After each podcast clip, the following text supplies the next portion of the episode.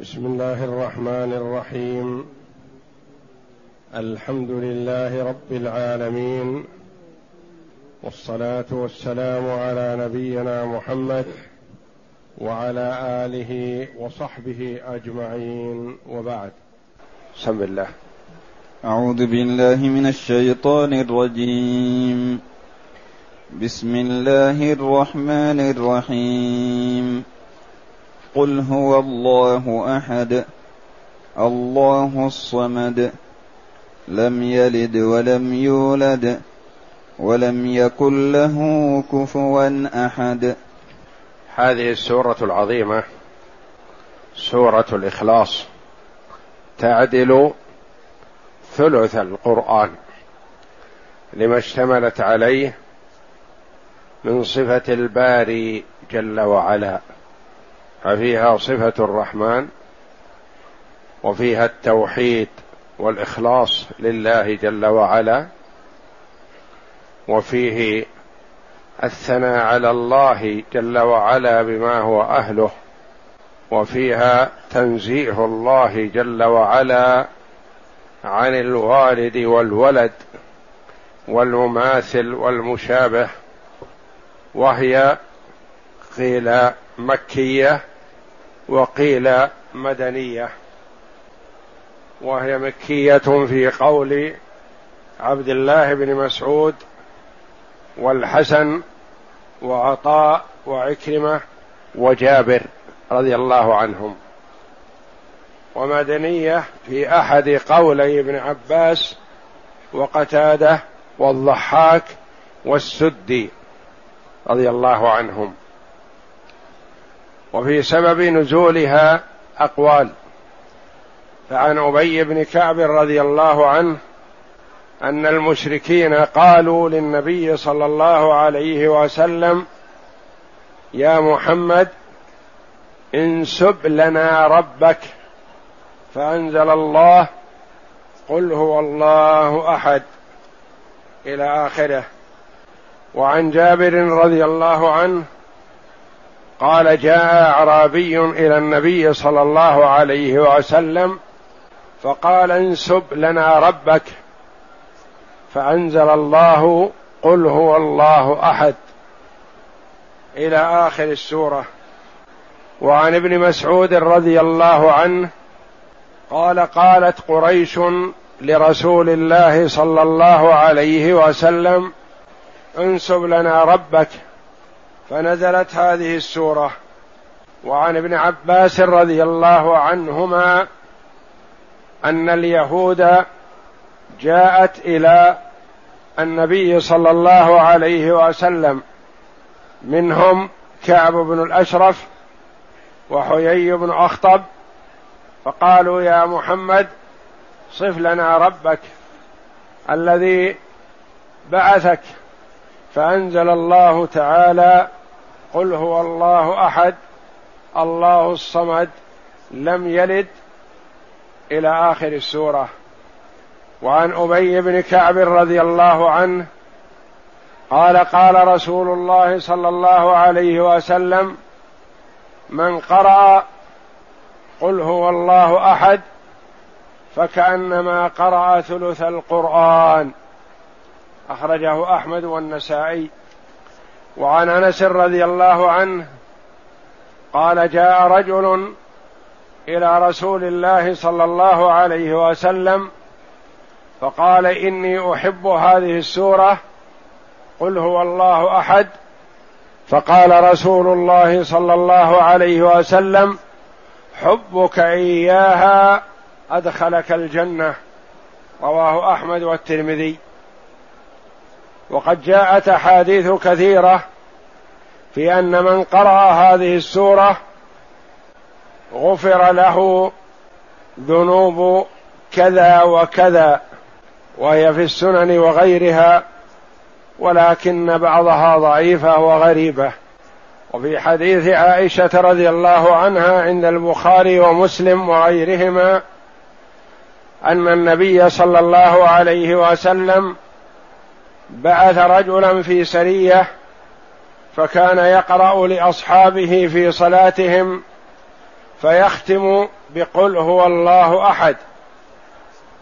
فلما رجعوا ذكروا ذلك لرسول الله صلى الله عليه وسلم فقال سلوه لأي شيء يصنع ذلك.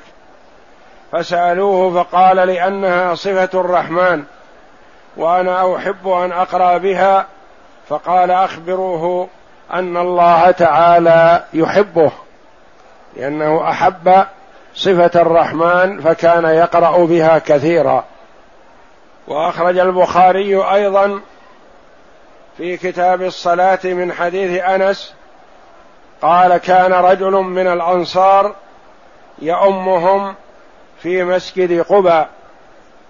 فكان كلما افتتح سورة فقرأ بها لهم في الصلاة مما يقرأ به افتتح بقل هو الله أحد حتى يفرغ منها ثم يقرأ سورة أخرى معها وكان يصنع ذلك في كل ركعة فكلمه أصحابه فقالوا إنك تفتتح بهذه السورة ثم لا ترى أنها تجزئك حتى تقرأ بالأخرى فإما أن تقرأ بها وإما أن تدعها وتقرأ بأخرى. قال ما أنا بتاركها.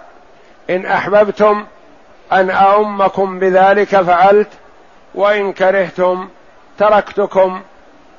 وكانوا يرون أنه من أفضلهم.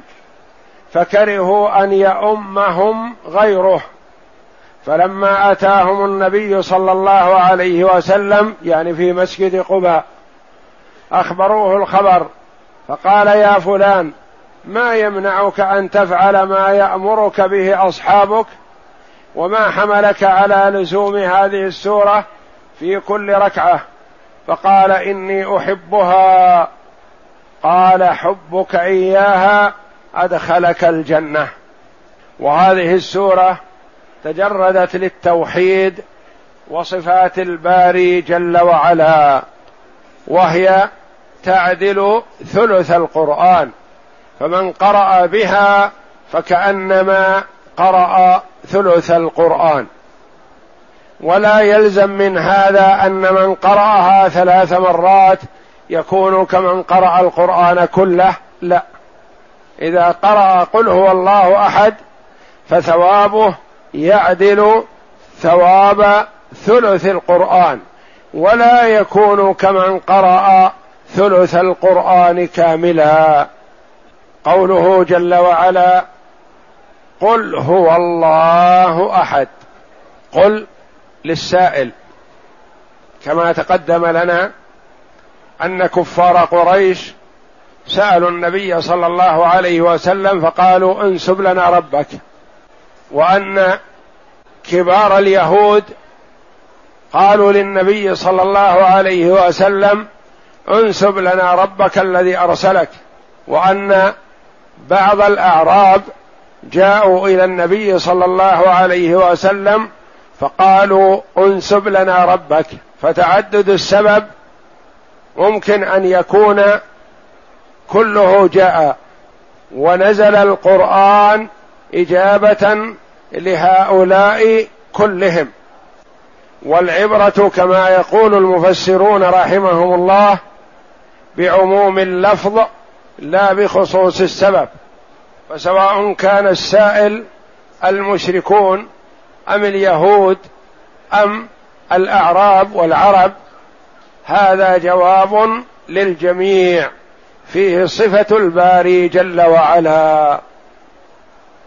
قل هو الله أحد.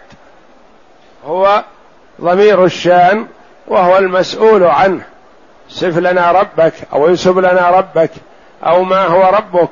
قال قال الله جل وعلا له قل يا محمد لهؤلاء هو الله أحد. هو الله. هو ضمير الشأن مبتدأ والله خبره وأحد خبر ثاني ويصح فيها أقوال متعددة هو ضمير الشأن مبتدأ والله مبتدأ آخر ثاني وأحد خبر المبتدأ الثاني والجملة من المبتدأ الثاني وخبره خبر المبتدأ الأول هو الله أحد وأحد أبلغ من واحد. فإذا قيل ما فيه أحد فهم أنه لا يوجد أحد. وإذا قيل ما فيه واحد احتمل أن ما فيه واحد لكن فيه عشرة أو فيه خمسة. في واحد عندك هنا فتقول لا ما فيه واحد. ما في واحد. محتمل تقول ما في واحد في عشرة في خمسة. لكن إذا قيل ما في أحد عندك ما تقول ما في أحد إلا عشرة. ما يصلح. فأحد أبلغ من واحد في الإفراد.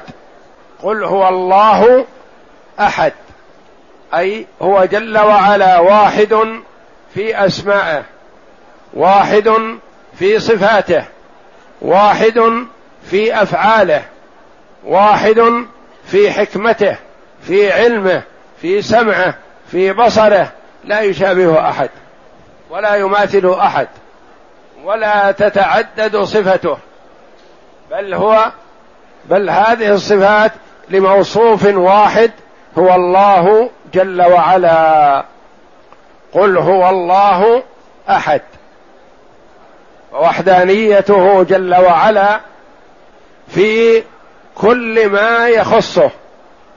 صفاته لا يشابهه فيها أحد. علمه سمعه بصره. صفاته الذاتية صفاته القولية صفاته الفعلية. لا يشابهه أحد ولا يماثله أحد في شيء منها. قل هو الله أحد.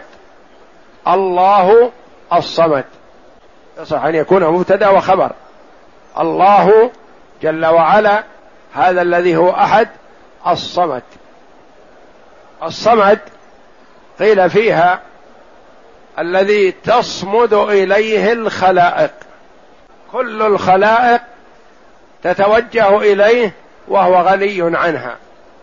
وقيل الصمد له المنتهى في السؤدد والسيادة. فلا أحد أعلى منه. وقيل الصمد الذي لا جوف له يعني ما في فراغ. فهو صمد غني جل وعلا عن الأكل والشرب وسائر ما يحتاج الناس. فعن بريدة قال الصمد الذي لا جوف له. وروي عنه مرفوعا ولا يصح رفعه عن ابن مسعود مثله وفي لفظ ليس له احشاء وعن ابن عباس مثله وعنه قال الصمد الذي لا يطعم وهو المصمت وروي عنه أنه الذي يصمد يصمد إليه في الحوائج يعني يتوجه إليه. وفي لفظ الصمد السيد الذي كمل في سؤدده الشريف الذي كمل في شرفه والعظيم الذي كمل في عظمته والحليم الذي كمل في حلمه والغني الذي كمل في غناه والجبار الذي قد كمل في جبروته والعالم الذي قد كمل في علمه والحكيم الذي قد كمل في حكمته وهو الذي قد كمل في أنواع الشرف والسؤدد وهو الله سبحانه وتعالى. وعن ابن مسعود رضي الله عنه قال الصمد هو السيد الذي قد انتهى سؤدده فلا شيء أسود منه يعني أعلى منه. وعن ابن مسعود قال الصمد الذي تصمد إليه الأشياء إذا نزل بهم كربة أو بلى يعني يتوجهون إليه. الصمد الذي لم يلد ولم يولد. لم يلد فيها رد على اليهود ورد على النصارى ورد على المشركين. لم يلد. رد على اليهود حيث قالوا عزير ابن الله. يقول الله جل وعلا لم يلد لا ولد له. رد على النصارى الذين قالوا المسيح ابن الله تعالى الله. رد على المشركين الذين قالوا الملائكة بنات الله تعالى الله. فهو رد على جميع الطوائف الضالة في قوله لم يلد ولم يولد. فهو جل وعلا ما نشأ ووجد بعد أن لم يكن. فهو الكائن في الأزل. قال العلماء قدم نفي الولد على نفي الوالد والوالد متقدم على الولد وإنما نفي الولد اولا للأهمية. كيف للأهمية؟ لأنه ما قال أحد من الطوائف بأن لله والد تعالى الله. ما قالوا له ما قالوا عنه ذلك وإنما الطوائف قالت لله ولد. اليهود قالوا والنصارى قالوا والمشركون قالوا. فرد الله جل وعلا على الجميع بقوله تعالى لم يلد ولم يولد. تكميل. لأنه جل وعلا هو الأول ازلا بلا ابتداء وهو الآخر بلا انتهاء جل وعلا. فهو لم يلد يعني لا فرع له لأن الفرع يحكي الأصل يحكي الأول. لا ولد له ولا والد جل وعلا. فهو لا ولد له. قد يقول قائل إن الولادة والإنتاج في بني آدم وفي سائر المخلوقات كمال. ويرغب فيها. فالرجل الذي ينجب أفضل وأحسن من رجل لا ولد له ولا ينجب. فالإنجاب صفة حسنة مرغوبة. ونحن نقول إن الله جل وعلا موصوف بصفات الكمال. وصفة الولادة في المخلوقين صفة حسنة مرغوب فيها. نقول لأننا نقول أن الله جل وعلا موصوف بصفات الكمال التي لا يترتب عليها نقص. لا تحتمل النقص بوجه من الوجوه لينفي بعض الصفات الكمال يترتب عليها نقص. لأن الإنسان يرغب في الولد لما؟ لأنه يشعر بالنقص والحاجة يريد من ولده يساعده في الدنيا. يريد من ولده أن يخلفه بعد الموت. ما ينقطع. وهذه الله جل وعلا منزه عنها. فهو جل وعلا لا يخلفه أحد. وهو الحي الدائم الذي لا يموت. فما احتاج المخلوق إلى الولد إلا لهذه الأمور للحاجة ولأنه يشعر بالنقص. فالصفة التي يترتب عليها نقص الله جل وعلا منزه عنها. صفة العلم صفة كمال ما يترتب عليها نقص. صفة القدرة صفة الإرادة كل هذه الصفات وسائر صفات الباري جل وعلا ما يترتب عليها نقص. وأي صفة يترتب عليها نقص فالله جل وعلا منزه عنها. لم يلد ولم يولد. يعني لا أب له جل وعلا فهو جل وعلا الموجود ازلا بلا ابتداء ولم يكن له كفوا أحد. كفوا فيها قراءات وكلها سبعية بضم الكاف والفاء. كفوا. والهمزة مخففه إلى واو. وبضم الكاف وتسكين الفاء كفوا. وهذه جملة مقررة لما قبلها بأن الله جل وعلا لا مثيل له ولا شبيه له ولا ند له فلا أحد يقارنه أو يشابهه أو يماثله سبحانه وتعالى. ولم يكن له كفو. الكف يقال فلان كف لفلان. هذه المرأة كف لهذا الرجل. هذا الرجل مثلا كفو لهذه المرأة. يعني يصلح لها قريب منها مساو لها في النسب. هذه المرأة مثلا خطبها ابن عمها يقولون ابن عمها كفء لها. هذه المرأة كفء لهذا الرجل لأنها تناسبه ليست نازلة عن مستواه بل هي مناسبة له. والله جل وعلا لا أحد يماثله أو يشابهه أو يدانيه جل وعلا. بسم الله الرحمن الرحيم. قل أعوذ برب الفلق. قل هو الله أحد. أخرج الإمام أحمد رحمه الله تعالى عن أبي بن كعب رضي الله عنه أن المشركين قالوا للنبي صلى الله عليه وسلم يا محمد انسب لنا ربك. فأنزل الله عز وجل قل هو الله أحد. وأخرج الطبراني عن أبي سلمة عن أبي هريرة رضي الله عنه قال قال رسول الله صلى الله عليه وسلم لكل شيء نسبة ونسبة الله قل هو الله أحد الله الصمد والصمد ليس بأجوف. هذه السورة سورة عظيمة وكان النبي صلى الله عليه وسلم يقرأ بها كثيرا فيقرأ بها في الركعة الثانية من سنة الفجر.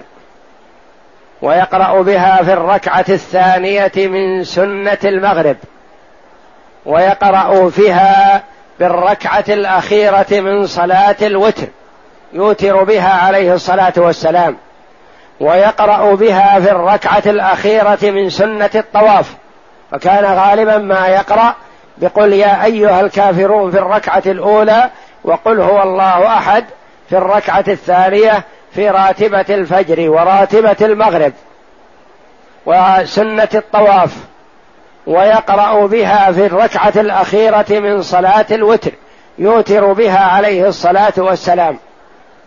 والرجل الذي يكررها طوال الليل سمعه أحد جيرانه فكأنه تقال لها فجاء مخبرا النبي صلى الله عليه وسلم بأنه يسمع فلان يردد قل هو الله أحد فقط. فقال له النبي صلى الله عليه وسلم إنها تعدل ثلث القرآن يعني فيها خير كثير. فهي سورة عظيمة ويحسن للمرء أن يقرأها في الصباح وفي المساء وفي أدبار الصلوات وعند النوم لأن فيها صفة الباري جل وعلا. والله أعلم. وصلى الله وسلم وبارك على عبده ورسول نبينا محمد وعلى آله وصحبه أجمعين.